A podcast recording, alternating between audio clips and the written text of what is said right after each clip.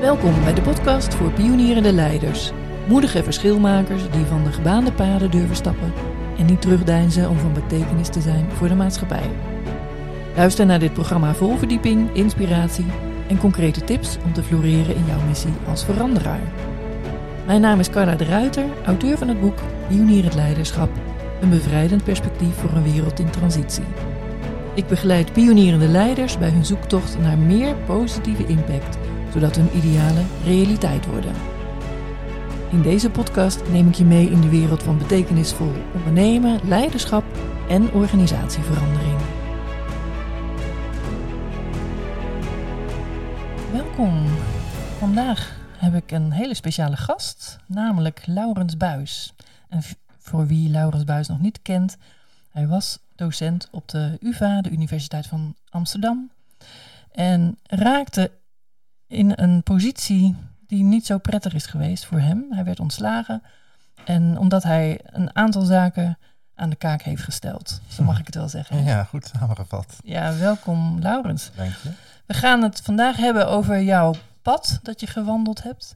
Want dat is in mijn ogen een heel pionierend pad. je bent uh, van de gebaande paden afgeweken. Uh -huh. En je weet als geen ander hoe het is om een controversiële mening te hebben die afwijkt van wat norm, hè, men normaal vindt eigenlijk.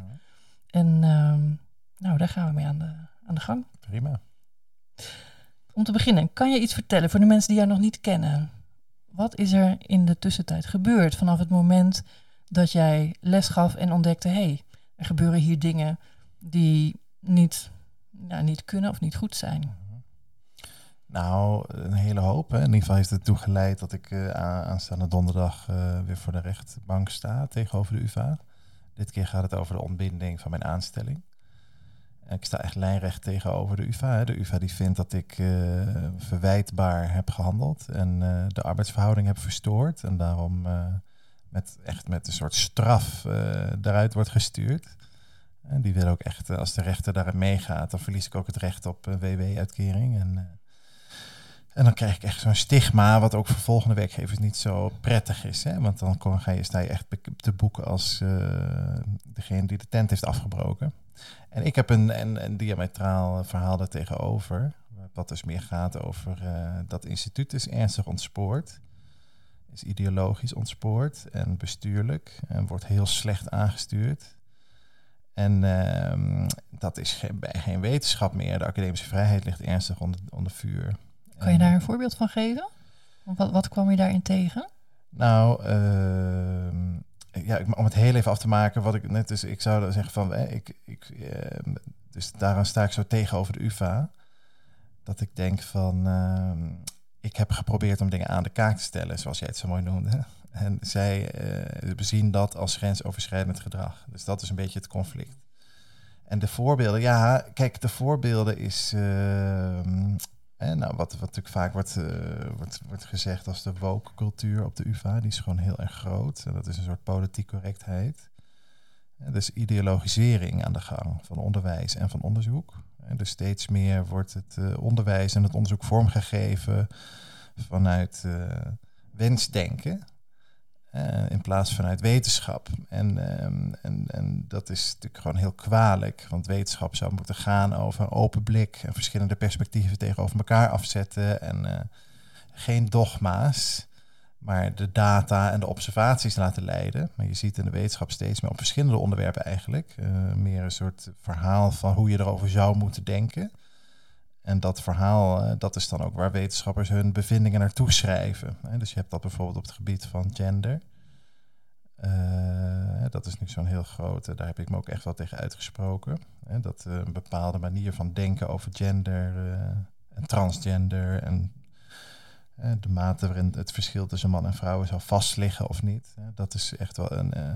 Want dat is ook jouw vakgebied, hè? Ja. ja inderdaad, genderwetenschap is inderdaad ook mijn vakgebied. Dus dat is, um, hè, dat is echt ideologisch denken aan de gang. En um, dan is er ook, maar ook op andere onderwerpen hoor. Dus bijvoorbeeld over hoe je over de islam moet denken. Of over hoe je over de oorlog in Oekraïne moet denken. Of over Poetin.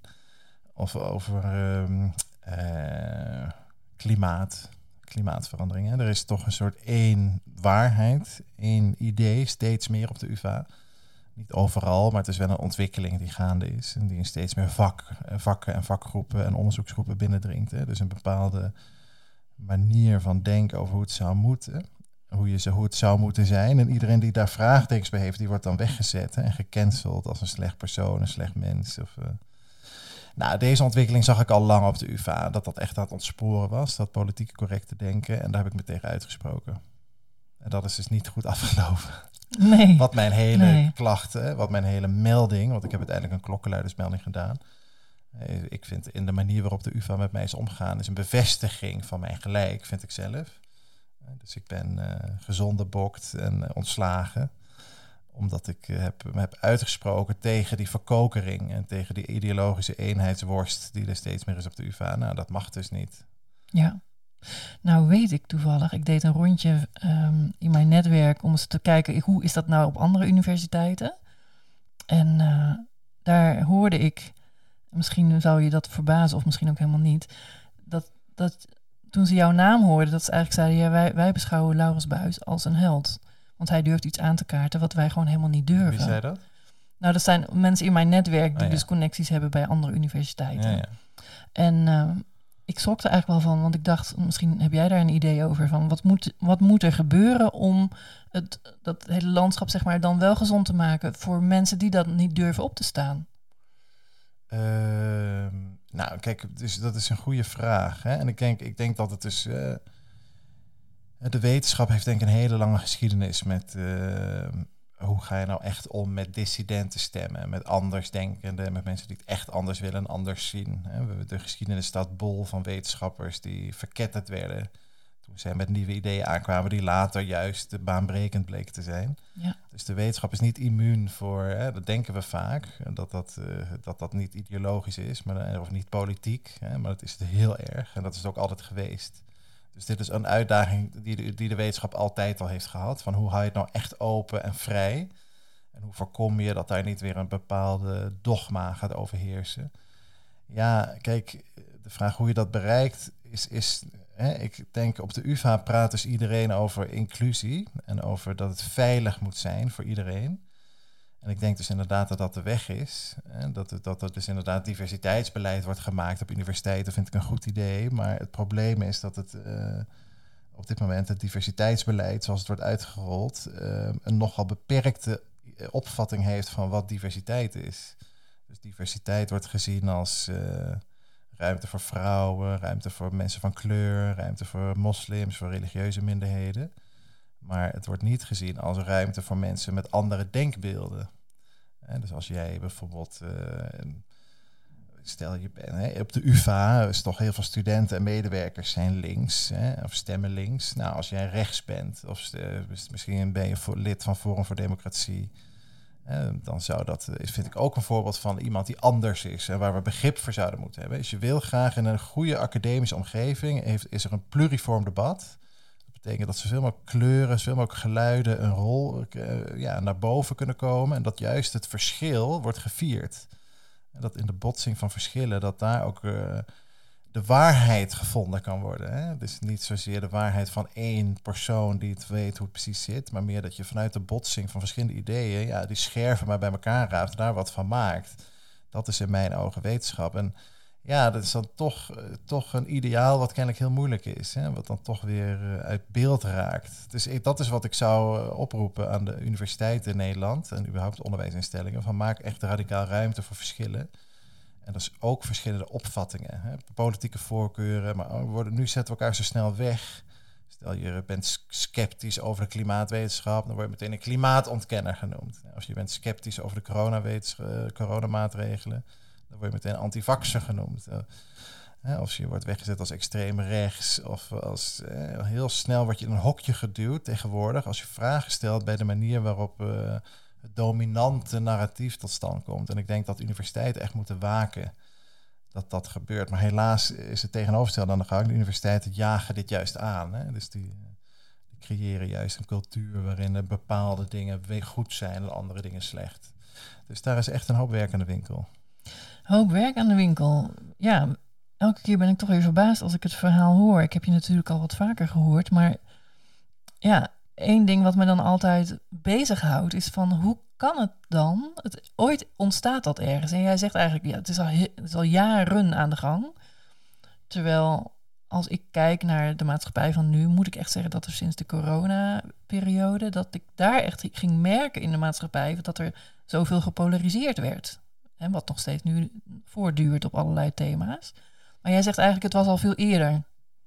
Ja, ik denk, dus, ik denk dat het echt ook... Uh, het was er altijd al op een bepaalde manier. Dus die strijd voor echt vrij denken heeft op universiteiten altijd gevoerd moeten worden. En dus er is nooit een tijd geweest waarbij het vanzelfsprekend uh, alles gezegd kan worden of alles gedaan kan worden. We hebben altijd in de hele geschiedenis hebben mensen op universiteiten zich moeten hard maken voor verschillende geluiden en verschillende perspectieven. Maar ik denk wel dat je de laatste decennia inderdaad weer een opleving ziet van, oh, van repressief denken.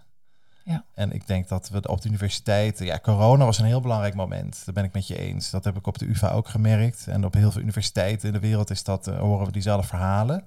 Dat die angstcultuur die toen is gaan leven in de wereld, dat dat ook echt heel erg is binnengedrongen in de wetenschap. En we hebben natuurlijk ook gezien dat corona-kritische wetenschappers heel hard zijn weggezet en ontslagen over de hele wereld. Hè? En daar is dus ook, ik heb op de UvA ook gezien dat, dat, dat die angstcultuur van toen, de angst die er in de samenleving hing, dat is in het instituut gaan hangen. Dat is ook nooit meer weggegaan. Het heeft, hè, er was al een hele hoop hing er in de lucht of zo op de universiteit, maar dat corona heeft een soort, heeft het aangejaagd, heeft het aangestoken. En sindsdien is het echt wel mis. Maar hè, de, strijd, wat we tegenover de politieke correctheid, hè, dat je bepaalde dingen eigenlijk niet mag vinden. Nou, ik heb bijvoorbeeld in 2009 onderzoek gedaan naar homofoob geweld. En ik vond toen dat er heel veel Marokkaanse jongens dat doen. Niet alleen maar, maar ze zijn wel oververtegenwoordigd. En dat, de rol van, dat er ook wel een rol speelt van de islam. Hè. Dat was toen al echt taboe om te zeggen. Dus dat was echt ook druk, heb ik wel gevoeld, van hoogleraren. En ook van de gemeente Amsterdam bijvoorbeeld, die de opdrachtgever was van het onderzoek. Om daar, om daar niet heel open over te praten. En ik heb het ook moeilijk gevonden om vervolgonderzoek te, op te zetten naar die vraag van hoe groot is nou die rol van die Marokkaanse jongens? Want dan krijg je toch vaak uh, de macht, uh, machtige krachten in Amsterdam kregen dan, ja, maar wat als daar iets uitkomt wat we eigenlijk, uh, waar we niet op zitten te wachten? Dus ja, dat is, die politieke correctheid is al best wel lang. Ja, heb ik altijd al gezien op de UvA. Ik werk vanaf 2006, 2007. Heb, heb ik het, en sindsdien heb ik het al, was het er al, maar er was altijd balans. Op de UvA had je die stroming, dat je bepaalde, dat dwingende, een beetje fatsoensvingertje wijzen, dat linkse ook wel van de UvA. Nou, ik ben zelf ook links, dus ik vind het linkse gedenken heel belangrijk, maar ik vind het, het vingertje het, en het fatsoensaspect ervan vind ik minder, om het zacht uit te drukken. En dat is op de UvA altijd al geweest. Hè? Maar er stond altijd iets tegenover. En dat was vrijzinnigheid. Op de UvA had je ook gewoon een hele sterke vrijzinnige traditie van vrijdenkers en mensen. Je kon gewoon alles zeggen en alles doen. En dan kreeg je soms wel kritiek, maar ja, je zei het gewoon. Hè? En dat is weggegaan. Dat heb ik echt uh, vanaf 2008, 2009. Toen was het er nog, maar ook al minder sterk dan wat ik hoorde van mijn voorgangers. Dat het vroeger veel meer dat vrije, vrije geesten. En dat is zeg maar echt, uh, in, ja, ik zou zeggen de afgelopen 20 jaar, 15 jaar, echt, uh, die cultuur is gewoon kapot gemaakt. Hè? En dat is op de UvA ook gegaan door, er kwam, ja, het werd gewoon anders. Het werd meer een bedrijf. Dus de, de gebouwen werden verkocht. Hadden hele oude, rommelige gebouwen. Er werd een hele nieuwe, strakke nieuwbouw voor neergezet. Dat vond ik altijd zo'n symbool. En we mochten niet minder boeken op de kamer, want ieder boek, hè, er kwam ook allemaal van die meet ja, een soort van die, hoe je, ja, hoe zeg je dat nou? Dat je zo van je, iedere cent, iedere vierkante meter werkplek is zoveel geld. En dat moest, dus moest allemaal zo klein mogelijk werken. En iedere medewerker mocht maar 30 boeken, want meer was te veel oppervlakte. En we moesten allemaal één gebouw, want meerdere kleine gebouwen betekenen dat je iedere keer apart facultair beheer en aparte uh, beveiliging. Dus er kwam een soort efficiëntiedenken in, waar wij ook als medewerkers steeds mee geconfronteerd werden. Van wat het allemaal kost en wat de vierkante meters zijn en wat de overhead is en wat de inkomsten moeten zijn en wat de uitgaven zijn. Nou, op zich prima, hè, dat je dat ook medewerkers bewust maakt. Maar het werd wel heel erg strak getrokken op die manier. En dat zag je ook aan eh, de sollicitaties. Als er dan een vacature was, dan kwamen er opeens veel meer sollicitaties uit het buitenland. En dan ging, werd het steeds meer belangrijker. Hoeveel publicaties heb je gedaan? En hoeveel tijdschriften? Hoeveel punten heb je gehaald? Dan kun je allemaal omrekenen naar hoe groot is dan de impact factor van een tijdschrift. En hoe vaak heb je erin gepubliceerd? En gegeven moment ging het steeds meer om presteren, om output, om efficiëntie, om geld. En, en, ja, en eh, dat heeft toch ook wel een beetje die, dat vrije, wat ik op de UvA alles heb gezien, eh, een beetje in de verdrukking gebracht. Dus dat denken over, ja, los van wat het allemaal kost hier. Het is gewoon, we zijn ook bezig met waarheidsvinding. En nieuwsgierigheid is belangrijk. En het is een creatief proces, hè, wetenschapbedrijven. Het is niet altijd te vangen in hokjes en in nette fases en categorieën. En dat is allemaal wat uh, naar de achtergrond verdwenen. Dus dat, daar associeer ik ook wel erg mee. Ja. ja, dat is een belangrijk punt wat je daar nu zegt. Hè, dat wetenschap eigenlijk bedoeld is om waarheidsvinding te doen. Ja. Maar in die zin ook een, een ja, een, deur open te houden voor misschien is het ook wel weer anders. Hè? Dus die, die mening uh, ja, en dat onderzoek te blijven doen. Ja. Om nieuwsgierig te blijven. Ja. Zeg jij eigenlijk daarmee dat ook de wetenschap uh, een soort van, nou, ik noem het maar even in mijn woorden, verpest is? Ja. Is het nog wetenschap? Nou, het staat heel onder druk, het idee van vrije wetenschap in de hele wereld. En zeker ook in de westerse wereld. Waar het dus juist altijd zo, uh, we waren altijd zo trots in het Westen op onze vrije wetenschap. Maar het staat heel onder druk. En, en dat verspreidt zich heel snel. Hè? Dus het is, je kunt het merken aan als je bepaalde dingen zegt, als jij kritisch bent op bepaalde thema's, kun je er gewoon worden uitgewerkt. Kijk ook wat er met mij is gebeurd. Maar uh, dat gebeurt op heel veel gebieden. Um, maar het is, gaat ook over funding. Dus uh, er zijn allemaal grote fondsen tegenwoordig, vaak ook het internationale geldstromen, waar wetenschappers hun voorstellen naartoe kunnen schrijven. En waar toch ook al van tevoren wordt duidelijk gemaakt van nou, als jij deze steekwoorden gebruikt of deze invalshoek gebruikt, dan maak je een grotere kans om geld te krijgen dan wanneer je andere invalshoeken. Dus er wordt ook gestuurd vanuit degene die het geld geven voor het wetenschappelijk onderzoek. Ook het NWO trouwens, het, eh, het, Instituut van Nederland, dat verantwoordelijk is voor het verdelen van het geld voor wetenschappelijk onderzoek. Hè. Dat is allemaal steeds politieker geworden. Ja, we moeten echt oppassen daar. Veel mensen hebben het niet in de gaten. We hebben zo'n rotsvast vertrouwen in de objectiviteit van de wetenschap vaak. Maar dat is eigenlijk onterecht. Want het is aan alle kanten... Ja, zijn daar foute belangen binnengedrongen. En uh, gaat het steeds meer om geld, ego, macht, controle. Heel grote invloed van bedrijfsleven. Heel grote invloed van de overheid dus de vragen die gesteld worden door wetenschappers, maar ook de manier waarop die vragen beantwoord worden, dat is sterk gekleurd. Veel meer dan mensen denken. Ja, en nou, heb, nou je vertelde al, je bent klokkenluider geworden. Hè? Je hebt uh, daar gebruik gemaakt van die klokkenluidersregeling. Ja. En toch ontslagen. Terwijl we een klokkenluidersregeling nou juist hebben om daar open in te gaan. Hè? Mhm. Hoe, hoe was dat voor jou? Nou, dat is dus waar ik heel erg boos over ben. En waar ik ook uh, nu dus de UvA voor, uh, voor de rechter heb gedaagd.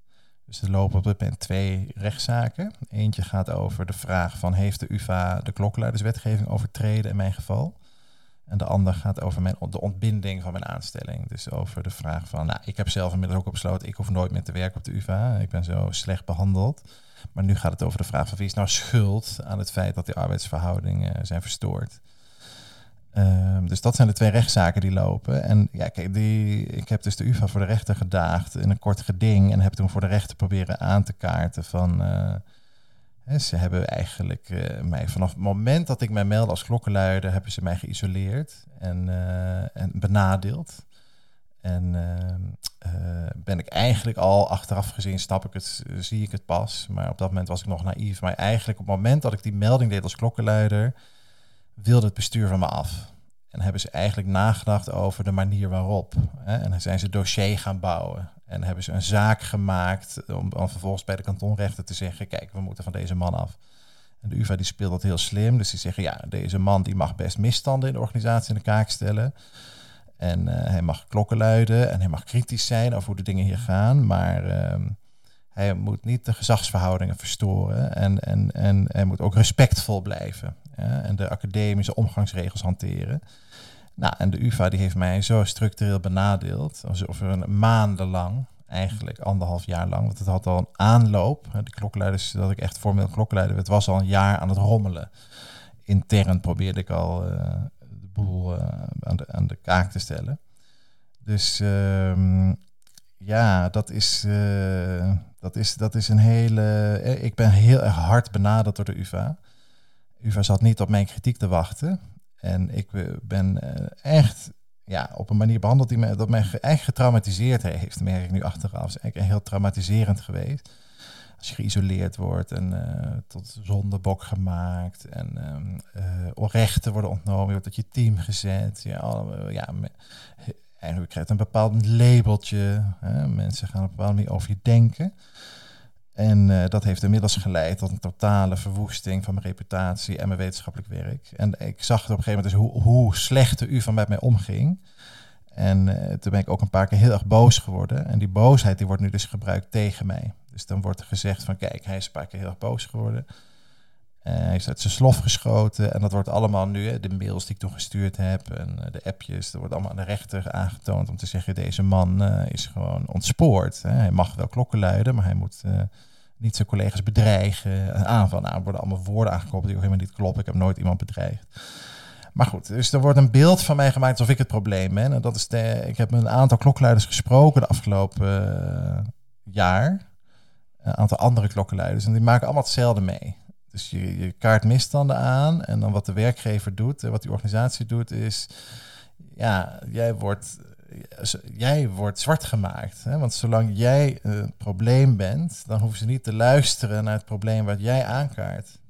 Dus het is een soort omdraaiing van de wereld. En, en zo'n instituut is altijd machtiger. Hè? Dus ja. de UvA is een instituut. Uh, die heeft een omzet van een miljard per jaar. Daar werken duizenden mensen. Hè? En we studeren tienduizenden studenten. En die hebben een, juridisch team. En die hebben een communicatieafdeling. En die hebben op centraal niveau en op facultair niveau allemaal honderden medewerkers zitten.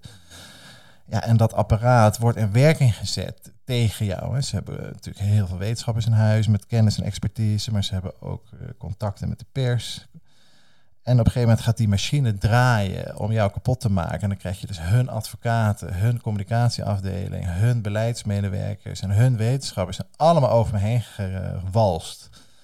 En dat voelt alsof je door een soort kudde buffels wordt overreden. En dan op het eind van die rit, als je even een beetje bij zinnen komt, dan sta je op en je stoft je af.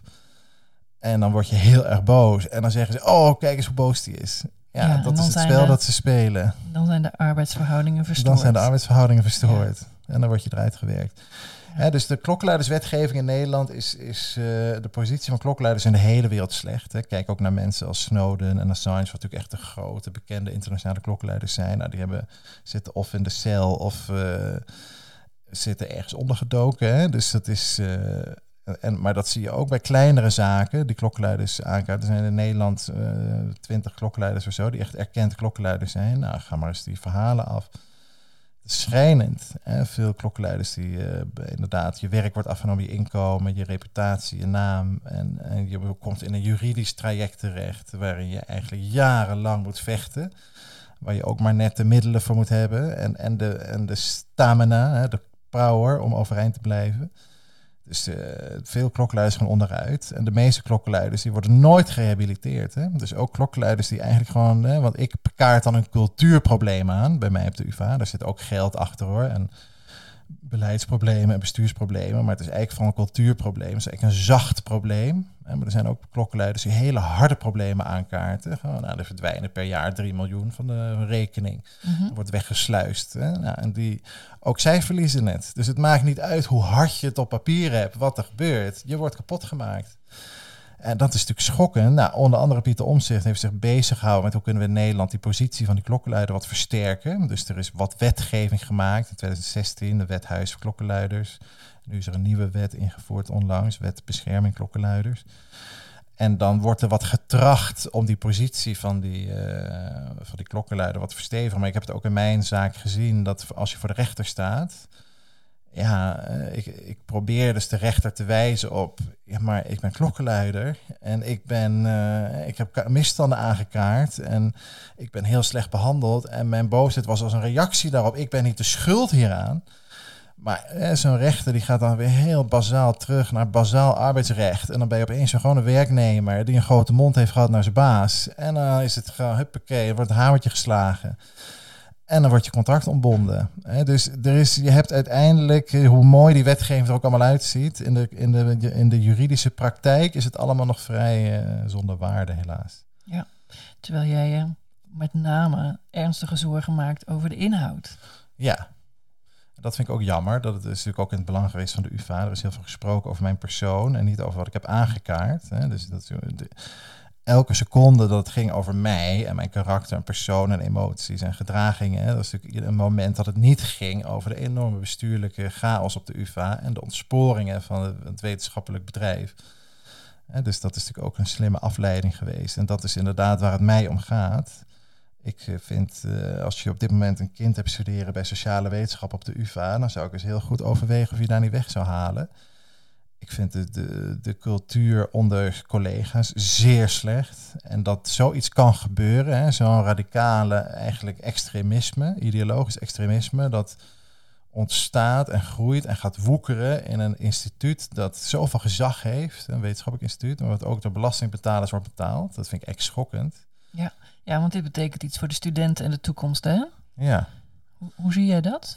Want als je dit dit doortrekt naar de toekomst en je, je kind wordt daar opgeleid? En, uh... Nou, mensen, studenten op de universiteit worden in heel grote mate hersenspoeld. Dat is toch een, een, een, realiteit die we onder ogen zullen moeten zien. Dus hè, de universiteit zou een plek moeten zijn waar het vrije denken, waar je echt radicaal leert vrij denken. En dat betekent dus ook soms dat je, dat is het vrije denken, is, is niet altijd leuk. Hè? Dat is ontwrichtend, schokkend. En, en, ook voor je eigen wereldbeeld en voor je relatie om je heen. Op de universiteit, als je echt leert, dan kom je dingen te weten die schokkend zijn over jezelf, over anderen, over de wereld, zeker als sociale wetenschappen doet. Hè. En daarom is het zo zorgelijk dat er op de universiteit steeds meer wordt gesproken hè, vanuit het idee we sociale veiligheid en antidiscriminatie. Hè, mogen, mogen dingen, mogen studenten zich niet meer onveilig voelen. En wordt, er moet dus altijd een soort gespreid bedje. Hè, dus mensen, studenten die geschokt worden of die uh, schrikken van de inhoud, dat mag niet meer, dat is slecht. Ja, en dat is in mijn ogen dus het tegenovergestelde van wetenschap zou moeten zijn. Hè. Wetenschap is eigenlijk dus een, een, een onverbiddelijke zoektocht naar de waarheid. Hè. Hoe schokkend die waarheid ook is. En dat is dus wat nu steeds wordt omgedraaid. Van ja, we mogen het niet meer daarover hebben, want dat kan de studenten kwetsen. Of medewerkers kwetsen. Of de mensen in het land kwetsen. Ja, dat is heel zorgelijk. En, en, dat, is, um, en, en, dat is dus een groot probleem. Hè. En, dus er is eh, ja, een aantal thema's zijn er op universiteiten. Hè. Ik heb het net al wat genoemd. Dus gender is een goed voorbeeld. Ook internationale betrekkingen en oorlog, klimaat. Zo zijn er een aantal thema's waar je op universiteiten eigenlijk niet, niet het vrije wetenschappelijke denken leert, maar meer waar je een ideologie krijgt bijgebracht. En waarom dat zo moeilijk is of zo gevaarlijk is, is juist omdat het zich voordoet als wetenschap. dus het is eigenlijk een verstopte ideologie. Ik vind stukken van de sociale wetenschap op de UvA eigenlijk echt heel erg een secte. Echt, dus niet, zeg ik niet als hoe zeg je dat, overstatement, maar ik bedoel dat echt heel serieus. Er zijn bepaalde stukken, eh, vakgroepen op de universiteit, waar dat vind ik echt sectarisch. Daar zijn ook hele, mensen met een heel groot ego aan het roer, die bewonderd en aanbeten worden. Oké. En daar zijn, worden gedachtegoed gepropageerd, die echt totaal bizar is, maar wat als wetenschap wordt gepropageerd. Ja, en dat is. Uh, en dat gebeurt gewoon. En juist omdat het dus uh, zich voordoet als wetenschap, heeft het heel veel geloofwaardigheid. En dat uh, is dus gewoon heel zorgelijk. Dus het is niet alleen dat je ziet dat het jou als mens hè, beschadigd heeft nu, maar ook dat je ziet nou, de, de toekomst van ook de universiteiten en het vrije woord, ja. hè, de vrijheid voor meningsuiting, dat is ook in gevaar. Ja. ja. Wat heeft het jou allemaal gekost? Uh, deze hele situatie. Nou, mijn uh, bedrijf is heel erg geschaad. Dus ik had al vanaf 2016 ben ik ondernemer.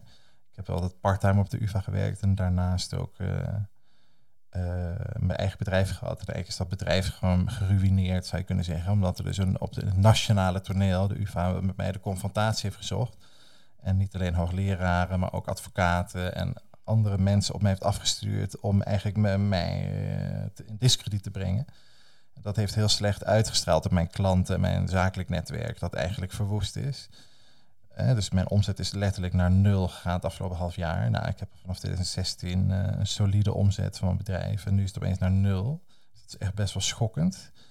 En um, dus financieel is dat een groot drama, maar ook het zakelijk netwerk. Maar ik vind ook heel erg dat mijn wetenschappelijke werk zo beschadigd is. Want ik ben al vanaf, laten we zeggen, 2020, 2019 ben ik uh, bezig met werk naar androgynie.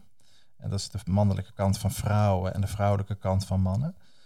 En daar ben ik echt heel enthousiast over. En androgynie is een best wel onderontwikkeld concept in de genderwetenschap. Dus ja, daar ben ik benieuwd naar wat jouw opvatting, opvattingen daarover zijn. Want je bent nu ook een boek aan het schrijven daarover, De Androgyne Mens. Mhm.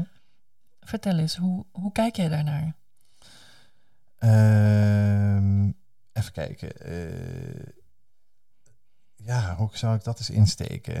dat is natuurlijk een brede vraag. Nou, ik, nou ik, ik bedoel meer van om daarmee duidelijk te krijgen van welke ideeën zijn er gangbaar. Ja. Want ik heb bijvoorbeeld het een en ander gelezen over jouw werk inhoudelijk. En ik dacht, ja, dat is toch heel normaal ja. hoe jij daarnaar kijkt. En daarom vind ik het zo eigenlijk ook heel, heel interessant dat je hier zit, om daar eens over door te praten. Ja, nou, dus, dus ik denk ook dat het goed is. Want dan kan ik ook mooi linken aan uh, eigenlijk jouw vorige vraag van uh, wat heeft mij nou gekost? denk dus ook dat, kijk, ik heb wat ik heb proberen te doen in, het, in de genderwetenschap. Hè. In de genderwetenschap is de afgelopen 20, 30 jaar een bepaald denken over mannelijkheid en vrouwelijkheid heel dominant geworden. En dat is dus het constructivisme of het interpretivisme, of hoe je dat ook wil noemen. Dat is in ieder geval het idee dat dat maakbare dingen zijn. Dus dat mannelijk en vrouwelijk, dat dat dingen zijn die uit de cultuur voortkomen. En dat dat uh, vaak onderdrukkende concepten zijn. Manieren om mannen en vrouwen op een bepaalde manier te kneden die hen klein houdt. En dat mannelijkheid en vrouwelijkheid eigenlijk niet iets is wat gewoon bestaat vanuit de biologie of vanuit een andere perspectief. En ik heb eigenlijk vanuit mijn werk als androgynie een ander perspectief willen inbrengen. Heb ik meer willen zeggen van nou, je hebt gewoon mannen en vrouwen en je hebt gewoon mannelijkheid en vrouwelijkheid. En de mannelijkheid en vrouwelijkheid heb ik toch een beetje meer geponeerd als, uh, dat zijn toch hele fundamentele bouwsteentjes van het bestaan. Hè? Die hebben wij niet zelf gemaakt, maar die treffen wij aan. Dat zijn mannelijke en vrouwelijke energieën, zou je ook kunnen noemen. Zo wordt er vaak een meer spirituele manier over gesproken. Maar eh, mannelijkheid en vrouwelijkheid zijn eh, ja, een beetje zoals yin en yang. net zoals we ja, licht en donker, en ruimte en tijd. en we hebben, is er ook mannelijk en vrouwelijk. Het, toch heeft het universum bepaalde tegenstellingen. Die op een bepaalde manier, juist doordat er frictie zit, ontstaat daar iets. Tussen mannelijkheid en vrouwelijkheid zit een bepaalde spanning. En, en, dat, dat creëert, dat creëert, creëert zaken. Dus daar heb ik meer proberen op te hameren. Van nou, natuurlijk is er een deel van wat ons mannen en vrouwen maakt, is, is uh, door de cultuur gemaakt. Hè? En, en, en, het is natuurlijk duidelijk dat een, man of een, vrouw in Iran anders uh, met haar vrouw zijn omgaat dan een vrouw in Amsterdam. Om even een voorbeeld te noemen. Dus natuurlijk zit daar een cultureel verschil in. Maar ik heb ook altijd willen benoemen van ja, er zijn ook andere dingen die een rol spelen. De biologie, maar ook ons bewustzijn. En, in ons bewustzijn zit meer op een soort spiritueel, energetisch niveau ook mannelijke en vrouwelijke energie. Dus dat heb ik proberen in te brengen in dat debat over gender. En dat mag niet. Dus dat is echt, uh, dat, dat, er is een bepaald dogma over gender. Want hoe, hoe, hoe is dat dogma dan precies? In ja, dus heel dat maakbaar. Hè? Dus vanaf, vanaf het feminisme is het idee ontstaan van, nou, vrouwen die zijn niet het zwakke geslacht uh, van natuur, maar vrouwen worden door de cultuur klein gemaakt. Dus het was altijd een heel belangrijk project van het feminisme om aan te tonen van kijk, uh, vrouwelijkheid is een soort, uh, in onze cultuur hè, worden vrouwen klein gemaakt. En de manier waarop vrouwen en vrouwelijkheid invullen als huisvrouw, hè, dat is wat de, de cultuur van ons verwacht. Dat is niet wat vrouwen zijn. En dus daar is uh, dat heel terecht geweest van die, van die vroege feministen. Die hebben eigenlijk de aanval geopend op meer, wat dan toch vanuit, bijvoorbeeld vanaf de 19e eeuw had je al Darwin, die was heel seksistisch eigenlijk in zijn denken. Die dan meer in de natuur, in de natuurzorg van mannetjes zijn nou eenmaal sterk en vrouwtjes zijn nou eenmaal, eh, ja, die moeten voor de kinderen zorgen en verder hebben ze niet zo'n belangrijke rol. Nou, en daar hebben die vrouwen de aanval op geopend van nee, dat is omdat Darwin keek met een bepaalde bril vanuit die Britse cultuur van de 19e eeuw, keek hij naar de natuur en toen heeft hij daar zijn eigen culturele ideeën op geprojecteerd en heeft niet gezien dat in de biologie en in de evolutie en in het dierenrijk er eigenlijk heel veel genderdiversiteit is. En mannen hebben vrouwelijke aspecten en vrouwen hebben mannelijke aspecten. En Dus daar hebben die feministen hebben daar heel terecht op gewezen van er is een cultureel aspect hè, in die hele onderdrukking van vrouwen. En dat kunnen we niet zo terugpinnen naar de, naar de, naar de natuur. Maar dat is eigenlijk vervolgens doorgeslagen. Dus nu is volgens in het moderne genderwetenschap alles is cultuur, alles is maakbaar, alles is rollen, alles is normen. En dan ontstaat dus ook het, bizarre idee van ja, eigenlijk is nu het hele idee dat we man of vrouw zijn. Dat is ook cultureel bedacht. Hè. Eigenlijk is er geen verschil tussen man en vrouwen. En eigenlijk moeten mensen gewoon ja, van geslacht kunnen veranderen. Zomaar iedereen. Of non-binair worden, ertussenin gaan zitten. Of, hè, dus dan wordt op een gegeven moment een soort devaluatie hè, en een soort erosie van mannelijkheid en vrouwelijkheid zit in dat, eh, is er in dat progressieve, denk ik. Ik vind het al lang niet meer progressief, maar zo verkoopt het zich. En dan is het dus nu een soort goed idee en vooruitstrevend om dat man en vrouw zijn eigenlijk helemaal naast je neer te leggen. En ik ben meer van de school die zegt van nee, wat, wat ik zie wel. Hè, ik, steun het feminisme heel erg, maar voor mij is feminisme niet, we gaan uh, vrouwelijkheid en mannelijkheid helemaal weghalen en het verschil wegpoetsen. Maar we gaan meer vrouwelijke kwaliteiten even goed waarderen als mannelijke kwaliteiten. We gaan dat meer naast elkaar zetten. We gaan wat ruimte maken voor vrouwen die ook mannelijke eigenschappen hebben en mannen die wat vrouwelijke eigenschappen hebben. Maar we gaan niet het verschil uitwissen. En we maken ruimte voor dat LHBTI-gedeelte. Er is een klein groepje van uh, paradijsvogels op het gebied van seksualiteit en gender, die, de, die daar een beetje mee spelen en die in een soort schemergebied zitten. Nou, dat is allemaal heel belangrijk om ruimte voor te maken. Maar op dit moment is er een emancipatieagenda op gang gezet en die wil eigenlijk het verschil tussen man en vrouw helemaal uitwissen. En, uh, en, en, en dat ook aan de rest van de wereld verkopen. En daar kinderen op scholen mee lastig vallen. Van ja, je bent misschien geboren als een meisje, maar misschien wel een jongen worden of non-binair. Er wordt zo lichtzinnig omgedaan met, omgegaan met het verschil tussen man en vrouw. Dat vind ik heel zorgelijk. Ik zag zelfs laatst dat er bij uh, bedrijven als bol.com zelfs in het uh, personeelsbeleid iets staat over dat mensen gelijk moeten zijn. Hè? De, dat diversiteitsbeleid was dat. En zij gaven aan dat één op de twintig mensen zouden een, wens hebben tot uh, zich laten ombouwen tot een andere geslacht. En uh, toen dacht ik, nou dat klopt niet, die cijfers. Toen ben ik dat gaan nazoeken. En toen bleek dus inderdaad dat het helemaal niet klopt, maar dat het één op de 20.000 geweest uh, is ongeveer. dus je hebt meer over die orde. Dus dat het helemaal niet zoveel voorkomend is als dat het nu uh, gezegd wordt. Ja, valt me ook op. Hè, dat percentage wat van mensen wordt enorm opgeblazen. Dat, dat transgender zou zijn of een gendercrisis zou hebben. Het wordt mensen heel erg aangepraat. En uh, er wordt heel veel verwarring gezaaid maatschappelijk over die categorieën. En het vervelende is, als je daar tegen opstand komt, word je heel snel weggezet als uh, transfoob of extreem rechts of uh, slecht mens. Ja, dus daar zit, gaat iets helemaal niet goed. Maar wat denk jij dan waarom dat gebeurt? Want ik denk dat heel veel mensen zich dat afvragen. Ja, kijk, ik denk dat het heel belangrijk is om te erkennen dat we in een samenleving zitten die cultureel gezien op een aantal aspecten flink aan het ontsporen is en waar radicaal gedachtegoed om zich heen grijpt.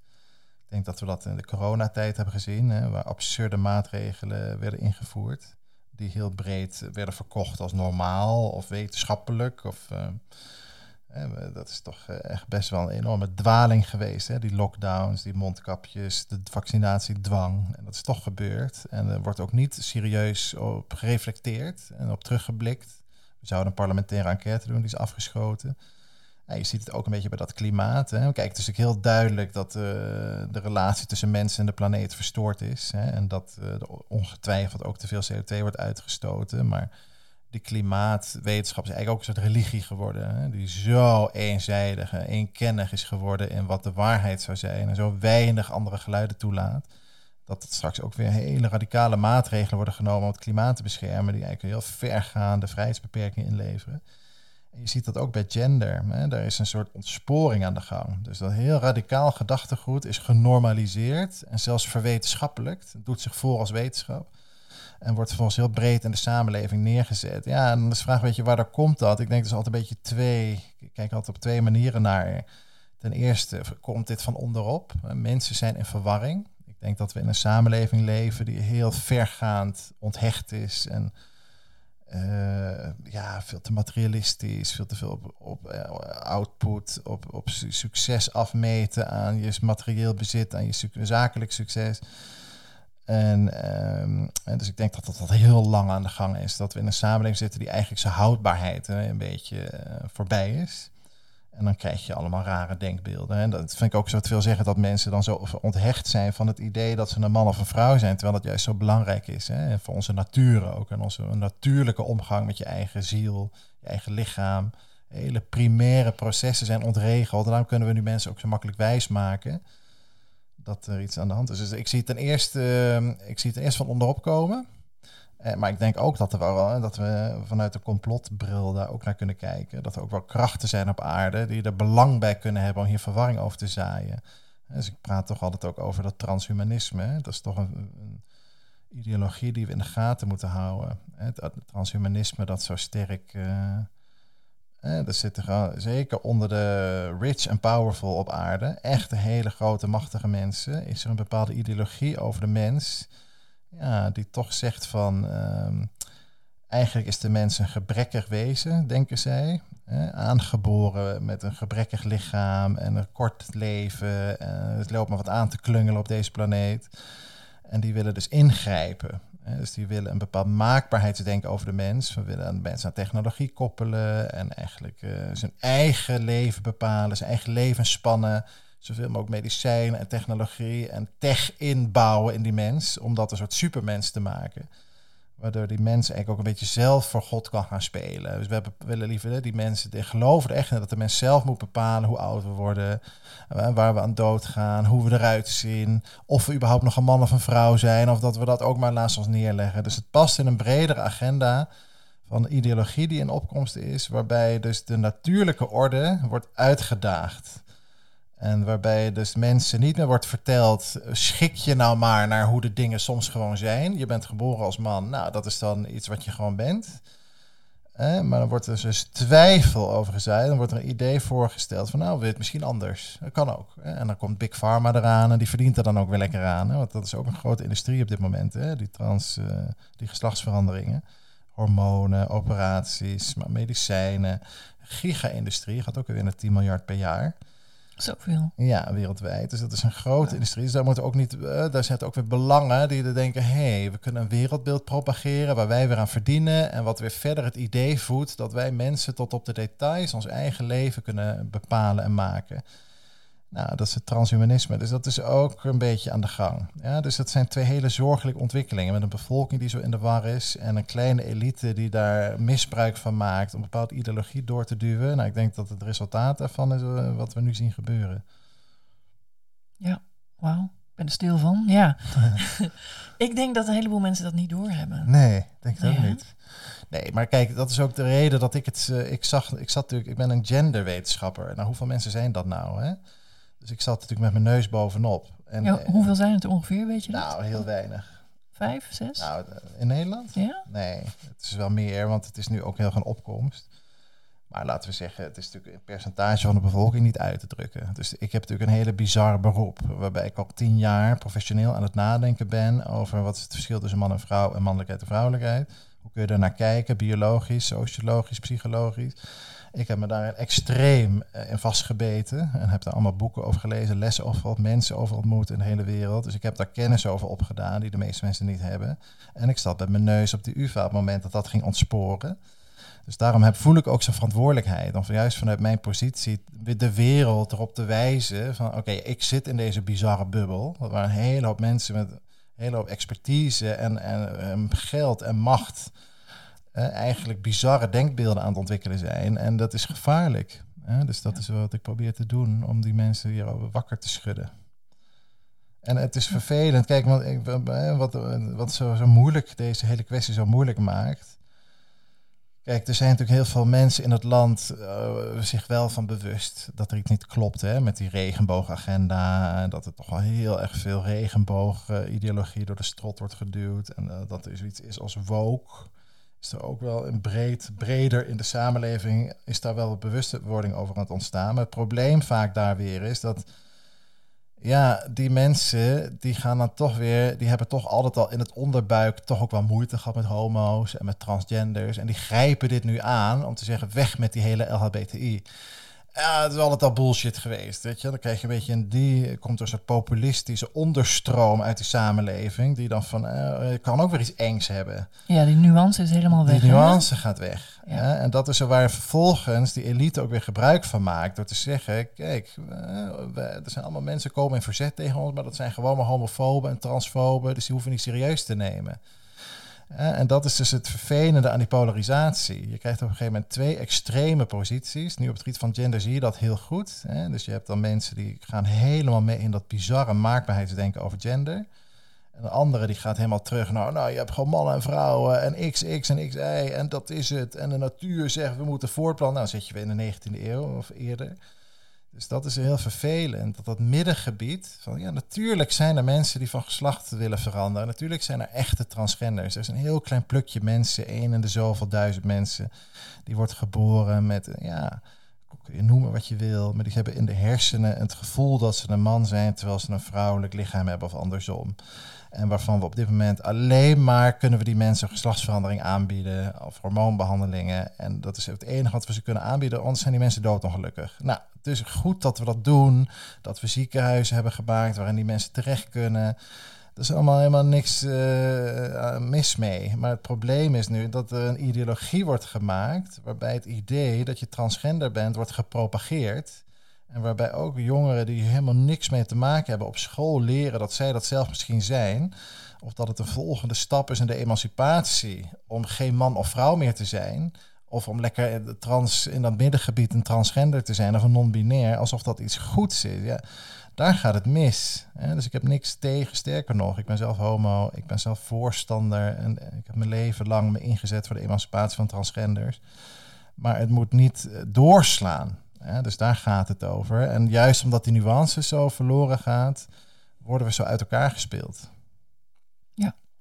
Nou, zag ik dat jij eh, een groot vervent aanhanger bent van de richting van Latour. Ja.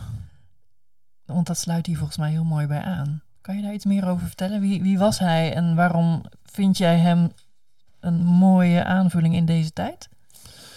Ehm, nou, dat is ingewikkeld hoor. Eh, Ik, ik ben inderdaad rond 2010 werd ik heel, werd ik heel erg fan van Latour. En ehm, hij is vorig jaar overleden. Hij is nu een jaar of anderhalf jaar dood, zoiets. En toen ik hem leerde kennen, was het eigenlijk nog een vrij onbekende wetenschapper. Die wel op het eind van zijn carrière was en allemaal hele exotische boeken had geschreven. Maar die nog niet echt groot was doorgebroken. Hij was wel een bekende wetenschapper. Maar eh, wat ik eigenlijk heb zien gebeuren, is dat hij echt gegeven moment toen, hij dood is gegaan, is hij echt erkend als mogelijk een van de grootste wetenschappers ooit. Hè? Dus hij is van, hij heeft, zijn werk, zeer- gelukkig heeft hij dat nog meegemaakt, dat zijn werk echt breed is erkend als baanbrekend. En ja, het werk van Latour vind ik zelf heel belangrijk, omdat ehm, hij heel erg heeft gewezen. Ja, het is een ingewikkeld verhaal. Maar hij heeft heel erg gewezen over eh, op ehm, de relatie die mensen hebben met eh, de materiële wereld. En hij heeft heel erg gewezen op ehm, nou, mensen die zijn eigenlijk zo intrinsiek verbonden met de wereld om hen heen, met eh, de aarde, maar ook met alles wat we zelf hebben gemaakt, hè, met onze objecten, met eh, telefoons, met eh, de pak melk in de supermarkt, überhaupt het fenomeen supermarkt, hè, of technologie, internet. Maar ook de natuurlijke wereld. Dus we zijn zo met elkaar verbonden dat we het zo goed uit elkaar kunnen trekken. En Dus Latour die heeft het onderscheid tussen mensen en niet-mensen willen bevragen. En heeft eigenlijk gezegd, kunnen we dat wel uit elkaar trekken? We praten altijd over mensen die leven en eh, niet-mensen zijn dood. Of de objecten zijn dood. Mensen handelen, maar objecten die liggen maar gewoon ergens. En Latour heeft eigenlijk zo diep nagedacht op een hele creatieve manier over die relatie tussen mensen en materiële wereld. En uiteindelijk kwam die aan met we kunnen dat eigenlijk niet echt uit elkaar trekken. Zeker niet als we kijken naar hoe de wereld gemaakt wordt. Op het moment dat hele spannende dingen gebeuren, bijvoorbeeld een pandemie breekt uit, of er is een grote bosbrand of whatever, dan zie je dat er hij zegt, Latour zegt, dan komen niet mensen in actie, maar netwerken van mensen en objecten. Ja, dus daar zo zat Latour meer te denken. Die keek naar mensen en naar de planeet meer als één groot handelend netwerk. wat continu in beweging is en probeert om te gaan met nieuwe onzekerheden en, en, en, en uh, uitdagingen. En dat is een hele belangrijke manier van denken, waar ik op de UvA veel over les heb gegeven en mijn studenten altijd veel uitgebreid in meenam. Want wat dat doet, als je uitgebreid in het werk van Latour uh, gaat verdiepen, en als je dat echt internaliseert, het is ingewikkeld gedachtegoed, hè, maar dit is wel een beetje waar het op neerkomt. Mm -hmm. hè. Hij heeft veel bedacht hoor, maar dit is de kern van zijn denken, die relatie tussen mens en materie als je dat echt tot je door laat dringen, dan op een gegeven moment wat er dan gebeurt in jezelf, heeft bij mij jaren geduurd hoor, maar eh, omdat ik zo diep in zijn werk zat, op een gegeven moment gaat je eigen antropocentrisme verdwijnt. En dat is het idee dat we eigenlijk, hè, dat, het mens, dat de mens het centrum is van het universum. Oké.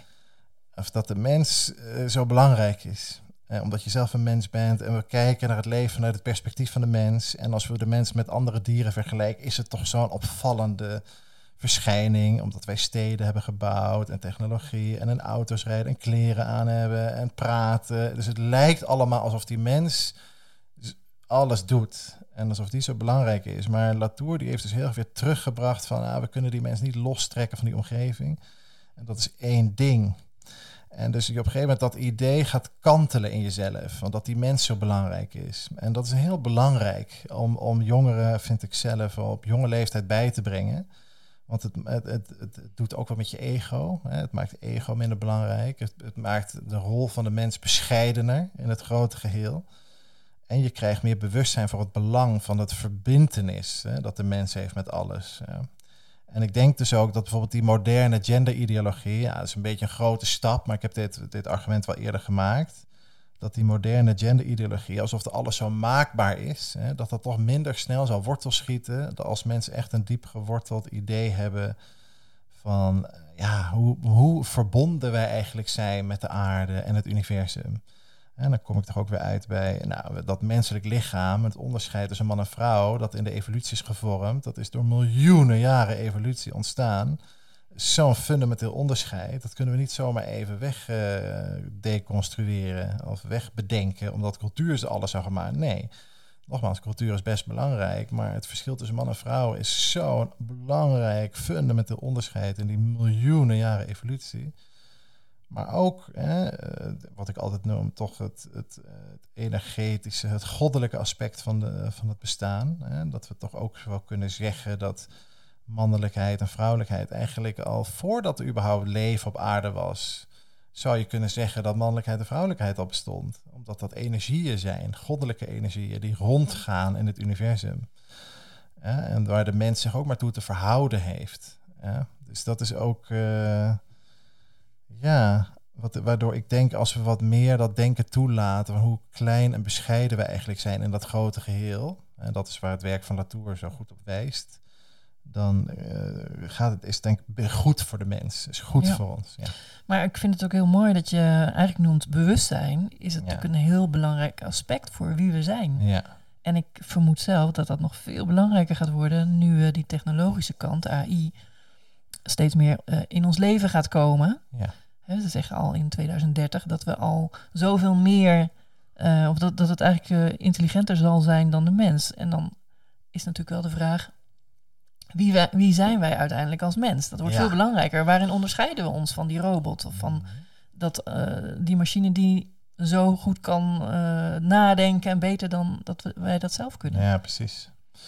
Nou, dat vind ik ook zo belangrijk. En dat is echt, eh, het wordt een hele belangrijke tijd voor de mensen. Zeker omdat die kunstmatige intelligentie opkomt. Er komt er nu dus heel gaan vragen over, ja, wat is dan eigenlijk het leven?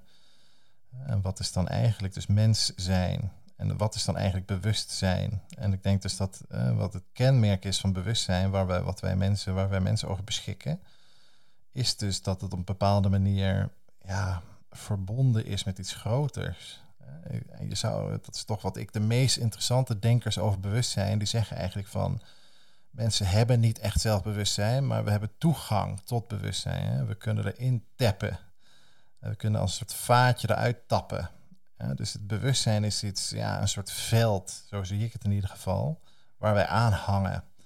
En dat bewustzijn heeft een leven op zich. En ik denk dus dat dat ook is wat ieder spiritueel of religieus mens kan bevestigen. Dat je dat ook kan voelen. dat je onderdeel bent als mens van een groter plan, een groter geheel. Hè? Dat, je, dat, dat vind ik zo belangrijk aan dat bewustzijn. En op een gegeven moment wat het risico is hè, in dat transhumanistische denken en in dat hoogtechnologische denken en in het ultieme maakbare denken, is dat we dat helemaal verliezen. Dat we gaan denken van, oh, nou, misschien is een computer wel beter dan een mens, want die kan gewoon veel sneller processen maken en beredeneringen maken en veel meer informatie verwerken. Hè.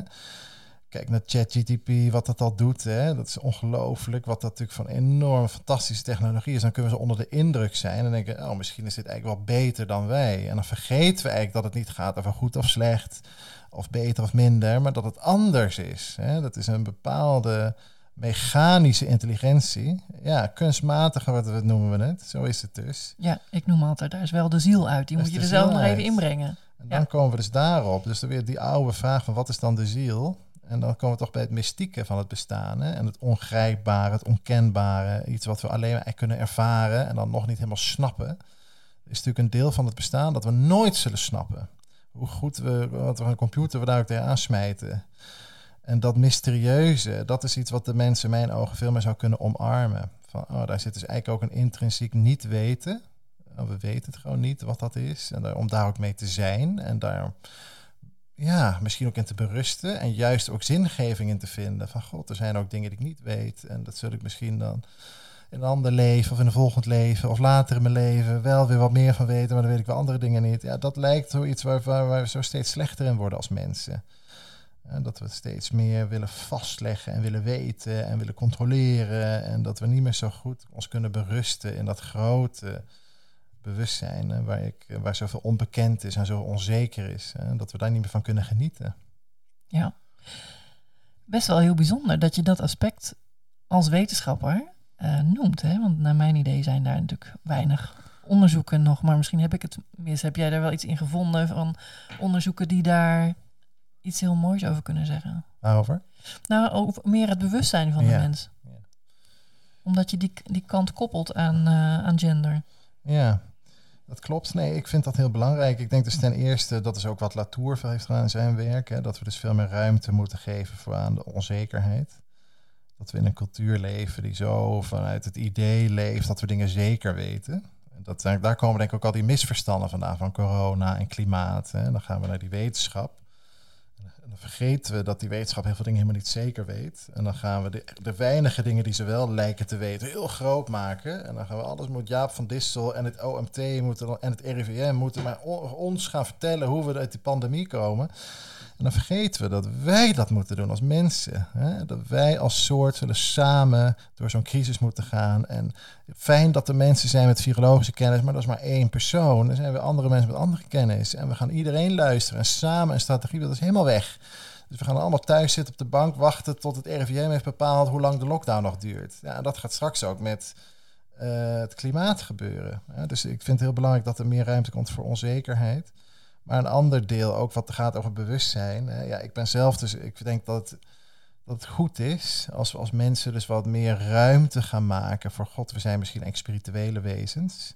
En laten we wat meer ruimte maken voor, uh, voor dat spirituele. Nou, hoe doen we dat nou? Want heel veel mensen zijn natuurlijk uh, seculier, atheïstisch. We leven in een hoogmoderne samenleving.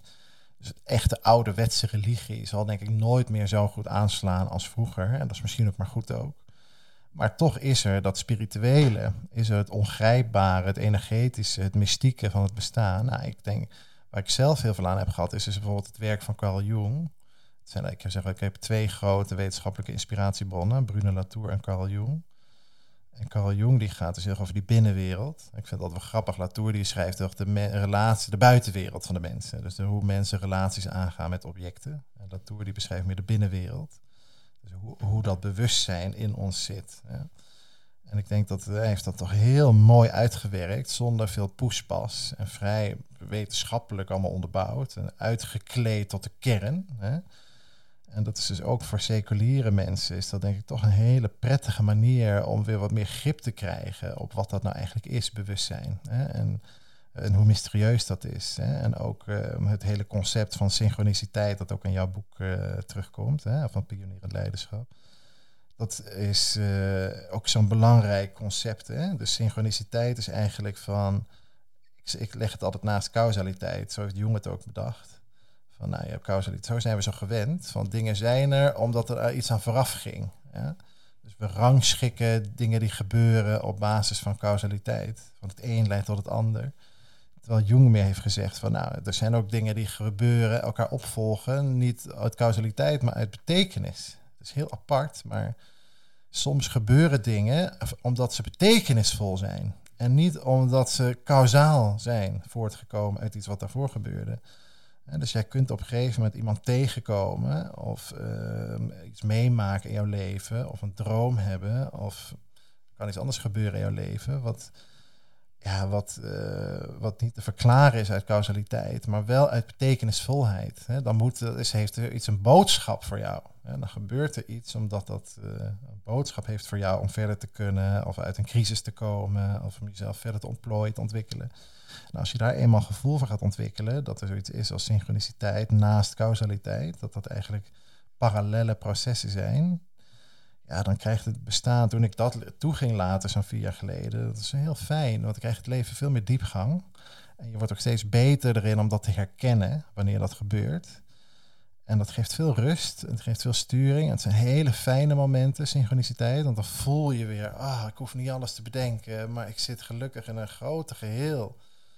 Waarin dingen ook gewoon zich ontvouwen en waarin ik ook gedragen word en, en, en geholpen word. En, ja, dus dat, uh, dat is denk ik ook hè, dat werk van Jung. Daarin ligt een groot potentieel voor mensen die uh, seculier zijn, atheïstisch zijn, die denken ik heb niks met God maar, of met de kerk, hè, maar die wel hiermee aan de slag willen. Dat vind ik hem zo waardevol. En dat is ook waar ik zelf aandacht wil geven in mijn boek. De androgyne mens die ik aan het schrijven ben. Het zal nog wel een tijdje duren. Ik hoop dat volgend jaar af te kunnen hebben. Maar dus eigenlijk hè, komen, komen we ook weer terug op gender omdat Jung toch heeft gezegd van, nou, wij als mens komen het best en uh, staan we het best in contact met die synchroniciteiten en dat goddelijke en het mystieke van het bestaan als wij onze mannelijke en vrouwelijke kanten in onszelf geïntegreerd hebben. dus hij zegt eigenlijk toch van, ja, heel veel mensen zijn gebroken wezens van binnen. Mannen zijn vaak toch wel heel erg uh, slecht in contact met de vrouwelijkheid en vrouwen met de mannelijkheid. Die balans is helemaal verstoord. En dat leidt ertoe dat we, hè, omdat het goddelijke, de goddelijke dimensie, de spirituele dimensie, is eigenlijk een dimensie van eenheid, een heelheid. Dus op het moment dat wij dat in onszelf niet ervaren, dan kunnen we daar ook niet zo goed contact mee maken.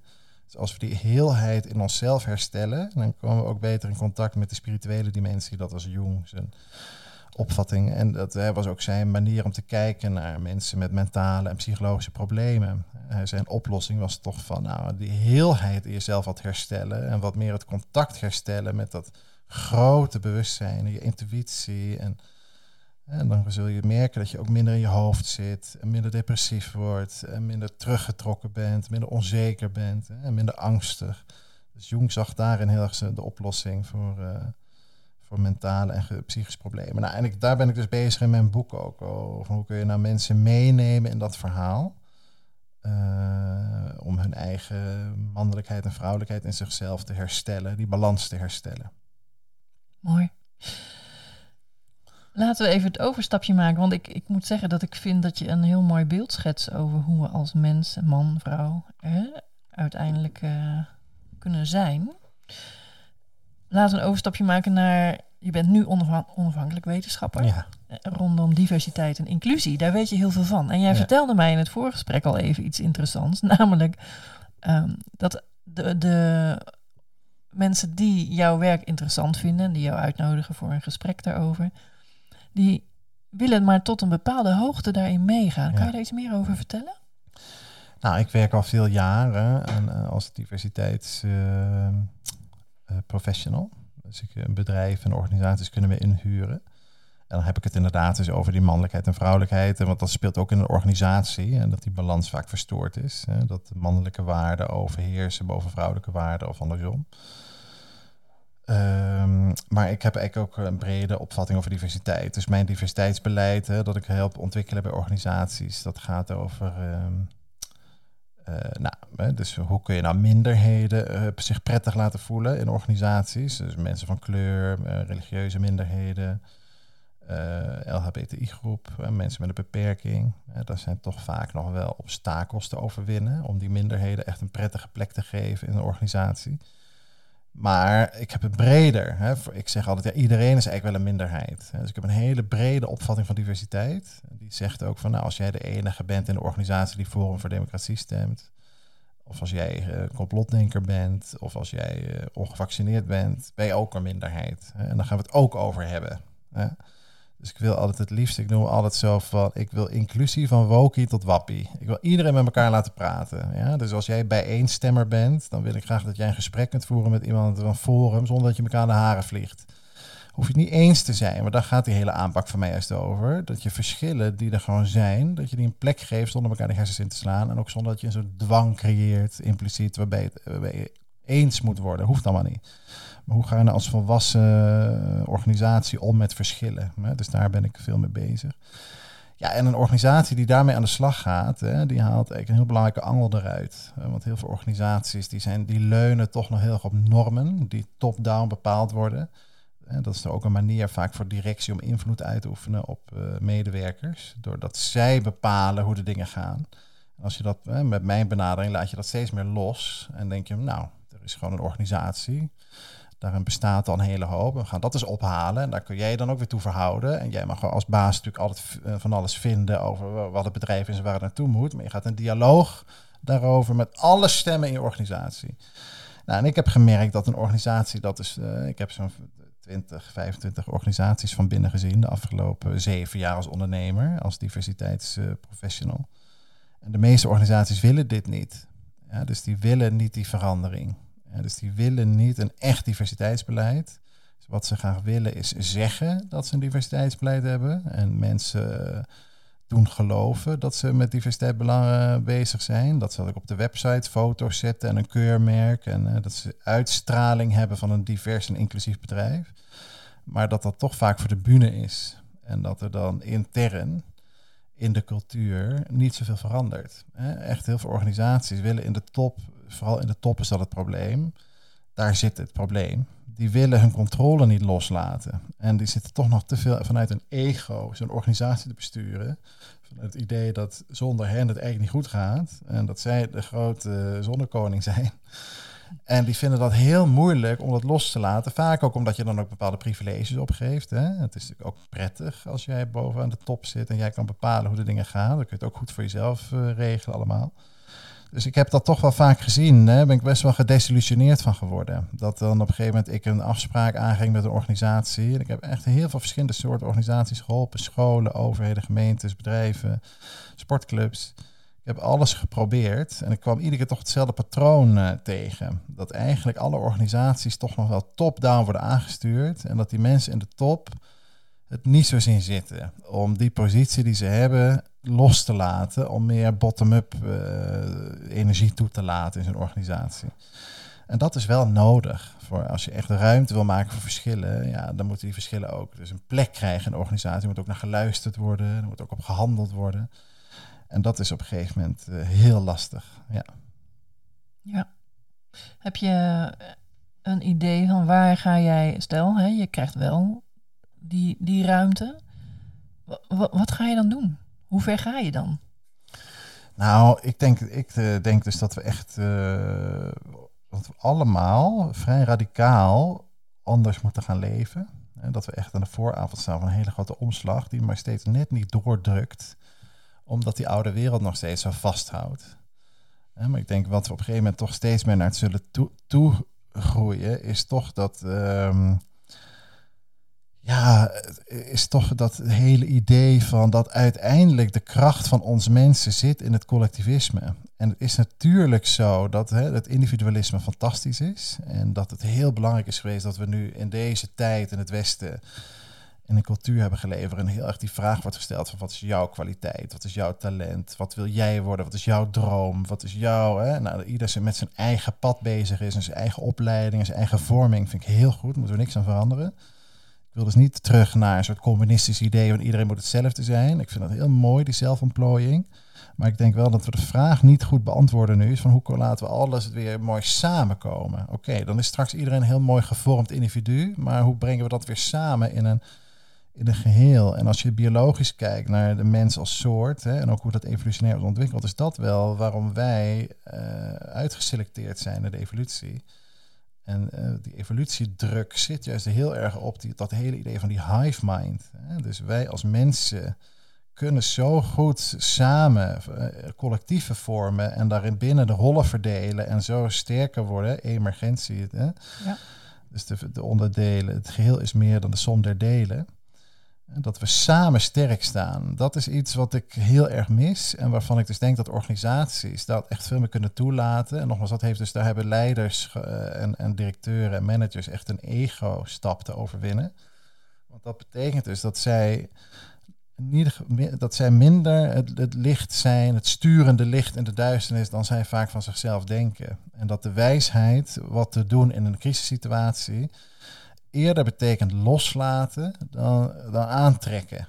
En eerder luisteren dan zeggen. En, en, en, en dus eerder bottom-up ruimte maken dan top-down. En, en dus ik denk dat hier een hele grote uitdaging ligt voor alle organisaties. En wat ik zou willen doen, wat ik iedere keer graag wil doen met organisaties, is dus die hier, ik zeg dan tegen die managers van want ze zijn vaak zo bang. Want dan kijken ze naar die organisatie en dan zien ze dus in die teams. Hè, dan zien ze ook natuurlijk dat een hele hoop eh, mensen, sommige medewerkers zeggen gekke dingen. Lijken onverantwoordelijk te zijn. En lijken als ja, maar als ik daar dan eh, ruimte aan geef, wat, wat ga ik dan in huis halen? Ja, waar gaat het dan heen? Dus probeer ik managers toch altijd te vertellen van dat dat gedrag dat zij dan zien bij hun medewerkers vaak wat terecht is, die zorgen, maar dat het veroorzaakt wordt door henzelf. Omdat ze niet serieus genomen worden, omdat die mensen vaak zo lang niet gewend zijn om echt verantwoordelijkheid te dragen, omdat de managers uiteindelijk toch de beslissingen nemen, gaan mensen zich als idioten gedragen. Omdat ze toch denken, ja, het maakt niet uit wat ik vind. Wel, ja, en dan gaan ze steeds raardere dingen doen. Dus ik probeer ik managers altijd te overtuigen van hoe meer je ze vertrouwt, hoe meer verantwoordelijk ze zullen opstellen. Maar vaak denken ze andersom. Oh, kijk eens hoe onverantwoord ze zijn. Dus ik trek het nog meer naar me toe. Ja? En dus om dat te doorbreken, dat vind ik uh, heel leuk om mee bezig te zijn. Maar ook heel erg ingewikkeld. Omdat dus uiteindelijk in ieder geval de klanten waar ik heb gewerkt dit niet durven. Oké. Ja, nou ja, daar komen raken onze vakgebieden elkaar. Ja, dus leuk dat is dat. heel erg leuk. Van, heb inderdaad soortgelijke ervaringen, maar ook ervaringen hoe het wel kan. En dat zijn met name de organisaties die veel meer willen inzetten op zelfsturing en zelfinitiatief van medewerkers. En, uh, maar ik heb ook wel eens meegemaakt hoor, dat ik een, uh, uh, ook met een directeur, dat die zei van, oh god, moet ik aan mezelf werken? Want ik spiegelde dat van, ja, wat je ziet op de werkvloer. Uh, ja, is ook het gedrag wat jij doet. Ja, eh, precies. Dus vind je het gek dat je, want mensen kopiëren elkaar en die kijken naar boven. Die kijken eerst, hey, als mijn baas uh, om drie uur naar huis gaat, oh, dan, of loopt de kantjes eraf in hun ogen, denken ze, oh, dat kan ik ook wel doen. Mm -hmm. Dus het begint inderdaad bij die voorbeeldfiguren. Voorbeeldfiguren. Dus maar dit moment was al het moment dat ik mijn klanten verloor. Dus als ik in de spiegel ging voorhouden, dan was het pats. Ja. Ik heb echt enorme conflicten gehad. Terwijl ik echt vanuit mijn kennis, ervaring en professionaliteit... en dat ook echt zo lief en constructief en professioneel mogelijk heb ingekleed... Maar als ik dan op een gegeven moment echt vertelde waar de schoen wringt in een organisatie, dan werd ik eruit gewerkt. Ja, dus dan heb ik misschien pech gehad met mijn uh, klanten. Maar ik denk ook dat het wel laat zien, want het strookt ook wel een beetje met mijn ervaring die ik meer in het persoonlijke leven heb. Hè? Dat toch, uh, ik denk, uh, ja, god, ik heb het nu toch uh, al zoveel over me heen gehad, dus ik kan nog wel even een schepje erover doen. Ik denk toch dat we, dat we, dat wat je ziet, is dat heel gek. Hè? Maar we leven in een samenleving waarbij de mensen in leidinggevende posities en machtige posities, daar lijkt het een voordeel te zijn, in je voordeel te werken op dit moment in het huidige systeem, als je wat narcistische karaktereigenschappen hebt. Dus dat betekent niet een heel groot introspectievermogen, niet een heel groot empathievermogen. Het is er wel hoor, maar selectieve empathie noem ik dat altijd. Dus voor sommige mensen hebben ze empathie en anderen helemaal niet.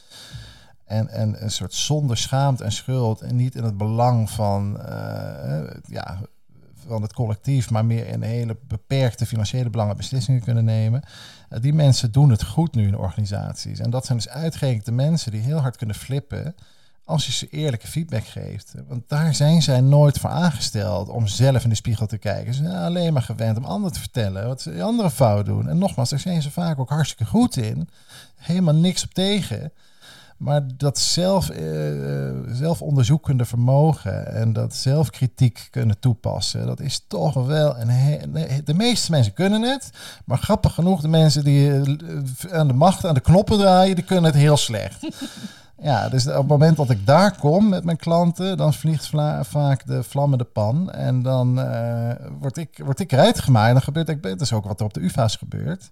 Dan word ik gezondebokt. Ja, dus ik heb ook op de UvA, het is een patroon wat ik in mijn leven nu toch wel begin te herkennen heb het ook in mijn familie gemerkt. Ik ben toch altijd degene op een gegeven moment die in de rol van de aanklager gaat zitten. Hè, die op een gegeven moment gaat zeggen van, nou oké, hier kloppen dingen echt niet. Ik trek dan op een gegeven moment zeg maar de mantel der liefde weg.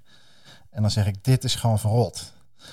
En kunnen er mooi over praten. We kunnen doen alsof het niet bestaat. Of we gaan het nu gewoon eens benoemen en aankijken. En mee aan de slag. En nogmaals, dat hoeft niet morgen opgelost te worden. Ik heb ook heel veel compassie met iedereen die het moeilijk vindt om dit aan te kijken. Maar als we het niet aankijken, dan ben ik hier weg. Nou, en, dan, en dat is dus op het moment dat ik die kaart trek, dan is het exit. En dan krijg ik de schuld, want dan is het van, oh ja, nee, jij bent agressief. De manier waarop je dit brengt is niet goed. Je bent te emotioneel, je bent te boos. En dan gaan ze allemaal dingen bedenken, waardoor ik als boodschapper wordt vernietigd. En dan, zodat mijn boodschap niet meer aangekeken hoeft te worden. Nou, dus ik merk hier in, in het, nogmaals, hè, ik, ik kan hier zelf ook in groeien. Hè, in, nog natuurlijk, ook op de UvA, in hoe ik dingen heb gebracht. Zeker als het echt heet wordt. Hè. Ik heb daar grote misstanden aangekaart. Nou, juist dan, als, als managers en dat hele instituut boos op je wordt, is het heel belangrijk dat je zelf hoffelijk blijft. Nou, dat kan ik echt wel beter doen. Maar dan nog, al had ik alles volgens de boekjes gedaan, het lijkt alsof het bewustzijn van de mensen hier nog net niet is. Dan bedoel ik het collectieve bewustzijn, dat we dit echt kunnen. Dat we ook die leiderschapsposities kunnen meenemen in een introspectief proces. Ja, ik weet niet of je, oh, dat denk ik wel, op de hoogte bent hè, van natuurlijke levende systemen. Ja, fantastisch. Dit zijn, dus die theorie is fantastisch. Wat erover gaat, is dat als je ergens, eh, jij noemt het de rol van aanklager. Ik zie het meer als dat als je heel gevoelig bent voor het systeem waar je in zit, dus ook goed contact maakt met je omgeving, dat je dan als eerste opmerkt wat er ergens niet klopt. Ja. En daar heb ik zelf ook last van. Ja. ja. maar daarom ben je altijd wel goed in je vak, omdat je als eerste bijna de kanarie in de kolenmijn, hè? Dat, uh, dat verhaal. Dat je dus weet van hé, hey, hier klopt iets niet. Dus je kunt uh, meteen inspelen op iets wat er is. En dan is het natuurlijk heel lastig dat je dan niet zelf de invloed hebt, hebt om daar dan ook echt iets mee te doen. Ja. Maar dat zou natuurlijk de oplossing zijn voor veel organisaties. Van luister meer naar die medewerkers die als eerste eigenlijk opstaan en zeggen: hé, hey, ik, er valt mij nu iets op wat niet lekker loopt. Want stel dat je zo'n organisatie maakt waarin je veel meer respect hebt voor die meningen en voor die um, het zijn eigenlijk de signalen hè, die mensen dan oppakken, dan ga je zien dat je organisatie veel makkelijker gaat lopen. Dus dat is, nou, dat is denk ik wel de toekomst, waar we meer en meer naartoe gaan. Maar ik zou zeggen, iedereen die nu luistert, uh, nou, je hebt geloof ik uh, ruimte hè, om ingehuurd te worden. Ik heb ruimte, ja. en je moet het natuurlijk wel durven inmiddels. Ja, het vraagt ook mensen, hè, directies met lef. Ja, nou, en dat vind ik dus in dat opzicht ook wel het goede aan wat mij nu gebeurt. Hè. Dus nogmaals, eh, ik heb dus heel veel klussen gedaan bij organisaties waarbij mensen dachten, want ik kan een hele lieve, zachte uitstraling eh, hebben. Nou, nu is het een beetje de andere kant doorgeslagen, mijn, de beeldvorming over mij. Ik vind ook niet veel te boosaardig wordt neergezet, maar ik vind het wel goed dat er wat meer een beeld van mij ontstaat van, oké, als je met mij in zee gaat, ook als klant, uh, is niet per se makkelijk. Ja, dus het is echt, ik, ik wil het echt veranderen. En echt veranderen, dat is echt heftig voor ons allemaal. En dat hoop ik dus wel dat, ja, want nogmaals, ik heb ook wel veel verdriet gehad. Ik heb bijvoorbeeld de afgelopen jaren, drie jaar lang, een hele grote klant had ik. En daar heb ik echt ziel en zaligheid in gestopt. En toen op moment suprem, op, moment, op het moment dat die organisatie echt kon gaan kantelen. En dat is een grote organisatie waar ik had heel ver geïnvesteerd in mijn methode uitrollen daar. En op het moment dat het kon gaan kantelen, werd ik er dus uitgewipt. En toen dacht ik achteraf wel, nou nogmaals, ik heb een hoop geleerd van die klant. Hè, maar toen kwam, op het moment dat het ging veranderen, kwam de directie pas erachter wat, wat ik van plan was. En hoe ingrijpend het was. En ook wat voor gevolgen ze hebben voor hen. Ze schrokken zich helemaal kapot. Ze wisten niet hoe snel ze mij eruit moesten werken. Dus dat is nu, ik hoop dat dat de volgende keer wat duidelijker is voor mensen. Dat ik echt een klant heb die het echt wil. Zodat ik niet in die desillusie hoef. Dat pas als het bekend wordt wat ik wil, dat ze me dan eruit wippen. Ja. Ja. Is echt mijn droom om een keer een organisatie te kantelen die het echt wil zelf. Ja. Weet je wat ik dus denk? Ik denk dat een organisatie daarvoor. Dat de organisatie die ik had nog niet ver genoeg in de shit zat. Dat, eh, want ze hadden dat oude, heel erg in die oude manier van besturen. En dat werkte nog net goed genoeg voor hen om de pijn om te veranderen en dan maar uit de weg te gaan. Dus ik denk dat de organisaties zo ver moeten zijn weggezakt. Dat ze op een gegeven moment eh, dat het gewoon niet anders meer kan. Nou, en dan kom ik ze helpen. Ja, maar jij hebt eigenlijk, dat, dat hebben wij ook gemeen. Dat is wel heel grappig. We hebben wel meer gemeen dan eh, je zou misschien denken. Maar we hebben gemeen dat we dat al eigenlijk... snel. Ja, nou ja, we zijn allebei natuurlijk wel een rebel. Ja. En ik ben drie keer klokkenluider geweest. Ja, Maar ik heb ook een profiel, net als jij volgens mij, een profiel als eigenlijk een interimmer. ja. Interim manager. Dus op het moment dat, je, dat de nood heel hoog is en de crisis kan nog zo groot zijn, dat vinden we eigenlijk niet zo spannend. Nee. Want we weten wat we moeten doen. Ja.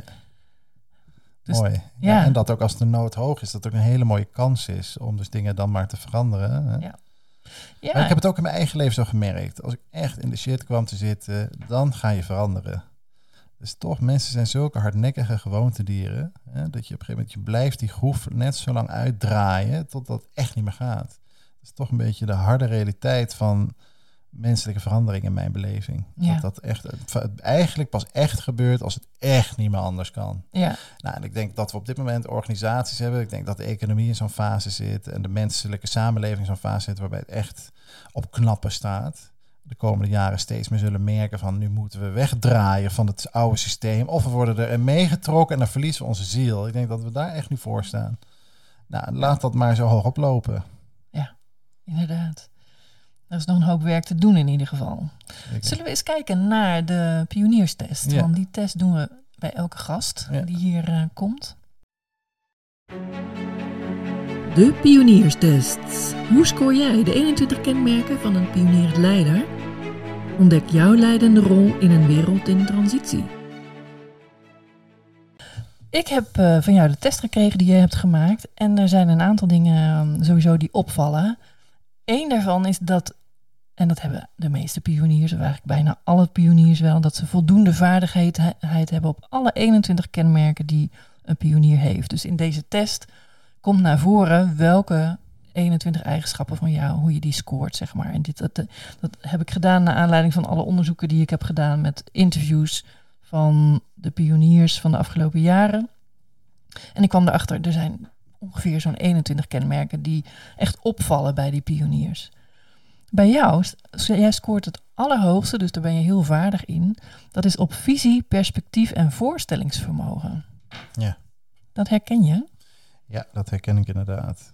Dat eh, vind ik heel leuk om te doen. Ik heb dat al mijn hele leven gehad. Grote, het grote verhaal eh, helder krijgen en de richting.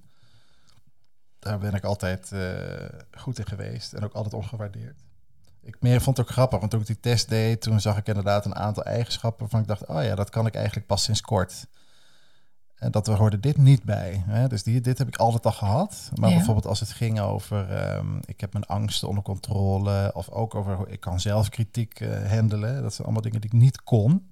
Maar heb moeten leren de afgelopen jaren om als ondernemer, maar ook als klokkenluider. Ja, op een gegeven moment je- er zijn een paar momenten geweest dat ik zo'n druk heb ervaren, zo door de mangel ben gehaald, dat ik wel dat ik door een aantal dingen doorheen moest breken. Ik heb heel erg veel zelfonderzoek moeten doen en mijn eigen lelijke kanten moeten aankijken de afgelopen jaren, omdat ik helemaal vast zat in mijn oude leven en daar niet meer eh, in voort kon. Dus er zijn dingen in die test dat ik denk, hé, hey, dat heb ik pas geleerd. En er zijn dingen waarvan ik dacht, hé, hey, dat heb ik altijd al heel intuïtief en natuurlijk kunnen doen. En deze hoort inderdaad bij dat intuïtieve. Dit heb ik altijd, altijd gehad, dat vis- visioneren, zeg maar. Ja, mooi.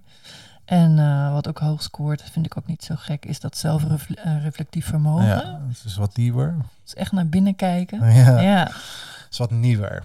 Ja, heb ik altijd wel al ook wel interesse in gehad hoor. En, en- maar ik denk dat, eh, dat het is zo akelig om echt zelfonderzoek te doen.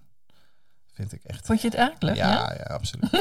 Ja, ik vind het altijd heel leuk. ja. Maar waarom akelig? Ehm, Confronteer het misschien. Ja, ja, ja. ja, ik heb, ja, ik heb toch wel heel erg. eh, hè, er zijn toch. We, we hebben allemaal zulke lelijke kanten. En het is ook altijd leuk om het te zien en om het te groeien. Die kant is er ook. Maar het is ook wel echt heel lelijk gedrag wat ik van mezelf heb eh, leren zien. En dat gaat over. eh, ja, het, het volgzame. Ik was toch altijd wel een heel volgzaam typeje. En dat eh, zou je misschien niet zeggen, omdat ik nu zo, klokkenluider ben. Nou, dat is dus ook veranderd. Omdat ik op een gegeven moment dat zo lelijk van mezelf vond. Hoe ik medeplichtig kon zijn. En, maar, en dan ook de hypocrisie die ermee gepaard ging. Want ik had altijd wel het hoogste woord over hoe de dingen moesten. En ik wil heel belangrijk andere mensen er hard op afrekenen als zij eh, eh, zich lieten corrumperen. Maar zelf eh, deed ik het wel. Dus dat, de hypocrisie daarin is ook zo akelig om te zien. En, en ik zag toch ook wel, ja, wat ik heel moeilijk heb gevonden afgelopen jaar, is dus inderdaad in dat zelfinzicht zien dat ik eigenlijk in heel veel opzichten best wel onvolwassen was en afhankelijk. Afhankelijk opstelde. Daarin ging leunen op mensen op wie ik eigenlijk helemaal niet kon vertrouwen. Dus daarom heb ik ook geleerd om het niet meer te doen. Omdat ik zo vaak bedonderd ben. Dat ik ook niet meer ging leunen. dus ehm, ja, dat, maar dat is, eh, vond ik zo lelijk aan mezelf. Hoe ik dan zo ging hangen en leunen en onvolwassen was. En, en, en anderen, op anderen ging leunen. En wel heel oordelend was naar anderen die hetzelfde deden. Oef, vreselijk. Een ander punt wat eruit kwam was, eh, waar je hoog op scoort, is het niet al weten. Dus vooral niet van tevoren al invullen hoe iets zal gaan. Nou, ik heb, ik heb eh, zelf het genoegen dat een hele goede vriendin van mij is Aniek Nevian. En zij is mindfulness coach in Amsterdam. En dat heb ik echt, ik heb heel veel cursussen bij haar gedaan. En zij heeft echt dit, in het boeddhisme is, eh, dus zij heeft me echt geleerd van op, op de rand van het onbekende te verkeren. Hè? Dus we, om echt de waarde van te zien. Dat op het moment als je dingen niet weet hoe ze zullen gaan, om, daar, om dan dus niet bang, maar nieuwsgierig te zijn. Hè? Dat heb ik van haar geleerd. En dat vond ik heel moeilijk, maar is zo belonend geweest. En dat zo, als je dat echt leert doen, dan ga je beseffen van wow, het leven wordt echt veel leuker als je dus uit die comfortzone gaat. Ja, het is zo'n cliché eigenlijk, maar als je het eenmaal echt gaat doen, dan voel je hoe moeilijk het is, maar je voelt ook hoe fijn het is, eh, wat het allemaal oplevert. Ja, heeft mij geholpen, hè? die klokkenluiderszaak. eh, eh, Jij zult het als drievoudig klokkenluider ook weten. Maar kl- klokkenluiden is eigenlijk dit. Hè? Dus je, je stapt dan naar het niet weten. Want je, ga, je neemt een stap die uit je comfortabele positie als werknemer is. Ik heb een hele goede... Ik heb hem nog steeds formeel. Ik heb deze week rechtszaak over de ontbinding van mijn aanstelling. Maar ik had een hele comfortabele aanstelling op de UvA. Heel goed salaris, uitstekende arbeidsvoorwaarden, heel leuk werk. Het lesgeven van studenten is gewoon heel leuk. Ik kon er eeuwig blijven. Ik had veel aanzien. Ik hoor bij dat instituut. En dan ging ik opeens klokken luiden en de hoge pief in de boom beschuldigen van misstanden.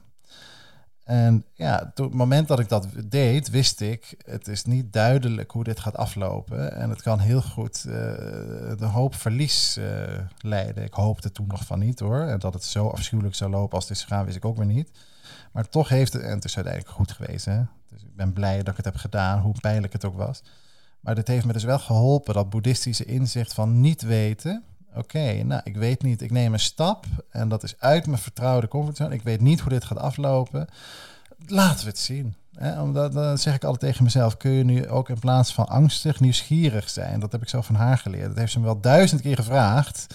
Als ik dan naar de rand van het onbekende ving, ben je nu bang? Ja, en kun je ook nieuwsgierig zijn? Ik zo, ja, kan ook wel. Nou, om dat te leren, dat is heel fijn. Ja.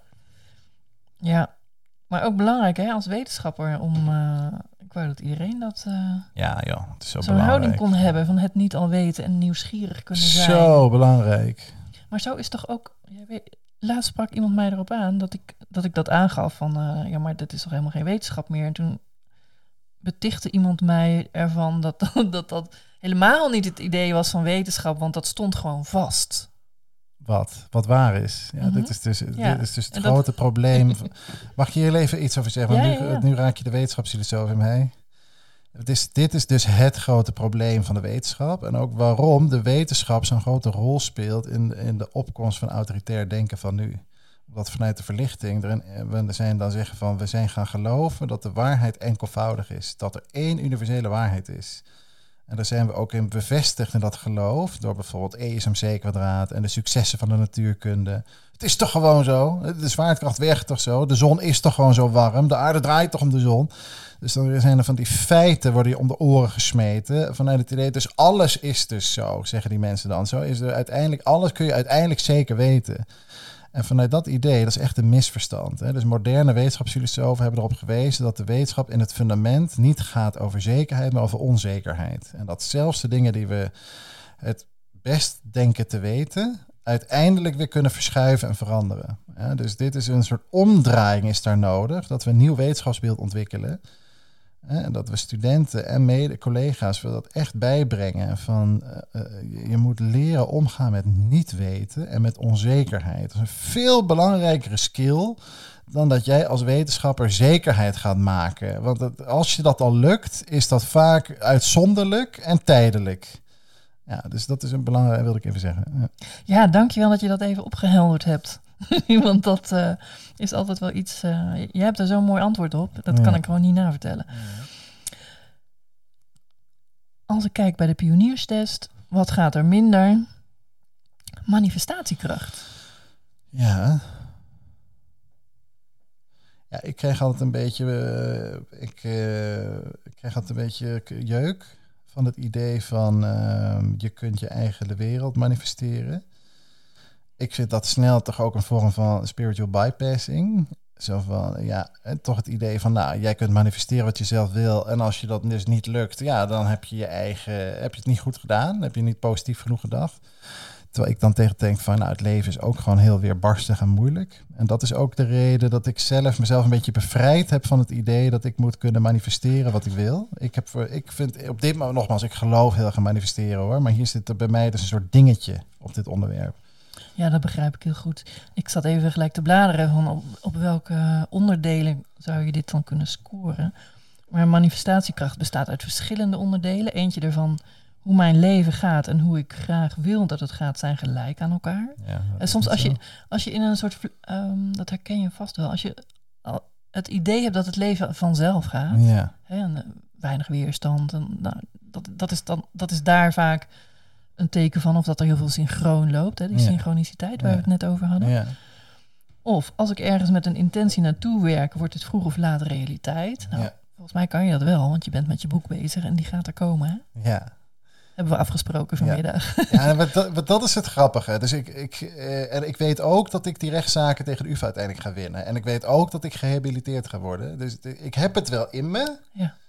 Maar ik zeg het, ik wil er niet in leven, omdat ik, ik, omdat ik dan bang ben dat ik de moeilijke weg er naartoe ga onderschatten. Snap je wat ik bedoel? Ja, ik snap helemaal wat je bedoelt. Ja, dus daarom heb ik het daar wat lager. Want ik heb daar zoveel ervaring mee dat ik dan zo bezig was met, ik ga dit manifesteren. En als zo iedere keer die klap kreeg van de molen van het echte leven. Dat ik denk, oké, nou, uh, ik hou wel op met het manifesteren. Het komt wel als het moet komen. En verder leg ik me ook neer bij hoe het gaat. Ja, maar er zijn ook, en dat ben ik helemaal met jou eens, er zijn ook best wel heel veel theorieën over die ook helemaal niet kloppen en ook niet werken. Over die, over die manifestatie bedoel ja, je? Ja, en, en dat komt vaak omdat ze helemaal niet dat grotere plaatje zien, maar het gebruiken als vanuit ik. Ja, precies. Van, ik doe dat om meer geld, of ik doe dat om die baan te krijgen. Of, precies. Terwijl als je ziet dat je onderdeel bent van dat veel grotere geheel en je omgeving, dan, dan werkt dat veel makkelijker op je in. Mooi, dat is een mooie correctie. Ja. Want dat eerste werkt gewoon inderdaad niet. Ja, en dat is ook, weet je, dat boek The Secret. En weet je, wat zo vaak dat populaire westerse en Amerikaanse denken van wat jij wil, kun je worden. En je, je, als je volgt gewoon je dromen en het zal wil jij miljonair worden, dan word je miljonair. Nou, dan denk ik, je houdt toch op. En al die mensen dan die in armoede zitten en die in een rolstoel worden geboren en die, uh, weet ik veel, van ziektes allemaal hebben en dan in het ziekenhuis moeten, waardoor ze al 30 miljard dingen niet kunnen die jij toevallig wel kan. Daar word ik dus ook een beetje opstandig van. Dan denk van, oh, en dan, inderdaad, dan leek het toch vaak tot de conclusie, als het je niet lukt, heb je niet genoeg gemanifesteerd, is het dus je eigen schuld. nou, hallo. Ja. Het is ook heel hard en koud, wordt dat denken snel. Maar ik wil het ook niet afschaffen, want ik snap ook zeker hè, dat je dat positief denken en voor ogen houden wat je wil bereiken zo belangrijk is. Dus nou ja, je hebt het volgens mij mooi uh, rechtgezet. Ja. We hebben heel veel besproken. Ja, leuk. Ja. Heb jij nog iets dat je zegt, nou daar wil ik het sowieso nog over hebben? Nee? Nou ja, ik denk dat we heel veel al uh, besproken hebben zo nu. Mag ik jou heel hartelijk bedanken ja, voor jouw mooie bijdrage. Ja, ik vond het heel leuk om hier te zijn. Want ja, wat dat betreft heb je laten zien ook in de praktijk hoe het is om een pionier te zijn en heel veel weerstand tegen te komen. Maar voor ook dat, vooral wel dat het uiteindelijk ook loont. Hè? Je zei wel, ik ben er ook sterker uitgekomen. Zeker. En uh, dat is natuurlijk ook wat het leven doet. Zeker. Nou, en het is, het is ook nog, uh, ik, ben, ik ben er nog niet eens uit. Hè? Dus dat is ook goed. Het is allemaal nog heel pril. Hè? Ik ben ook nog mijn wonden aan het likken. En ik voel nu al de enorme groei die deze rol van klokkenluider en ook nationale zondebok uh, heeft opgeleverd. Hè? Ik, vertelde in het voorgesprek ook tegen jou hoe dat ik het eigenlijk heel moeilijk vind dat mensen zo negatief, uh, die beeldvorming over mij zo negatief is. En dat ik dat zwaar vind om mee om te gaan. En ik merk ook meteen het voordeel daarvan, dat ik steeds meer leer om dus onafhankelijk van wat, hoe mensen over me denken, dingen te doen. Dus ja. je ziet overal zit het voordeel ook weer in hoe kloot het ook kan zijn. Hè? Ja. ja, dat zeggen ze wel eens. Hè? Je krijgt wat je aan kan. Ja. Nou, dan moet jij een heel sterk persoon zijn. Ja, dat is lief van je. Dank je wel. Graag gedaan. Dank je wel voor het luisteren. Wil je op de hoogte blijven en er geen aflevering missen? Abonneer je dan op deze podcast en laat een review achter. Heb je mijn boek Pionier het Leiderschap al gelezen? Het is een must voor pioniers, verschilmakers, veranderaars die ogen hebben voor de toekomst. Je bestelt deze eenvoudig via pionierhetleiderschap.nl. Op deze website vind je allerlei mogelijkheden om met Pionier het Leiderschap aan de slag te gaan. Tot een volgende keer.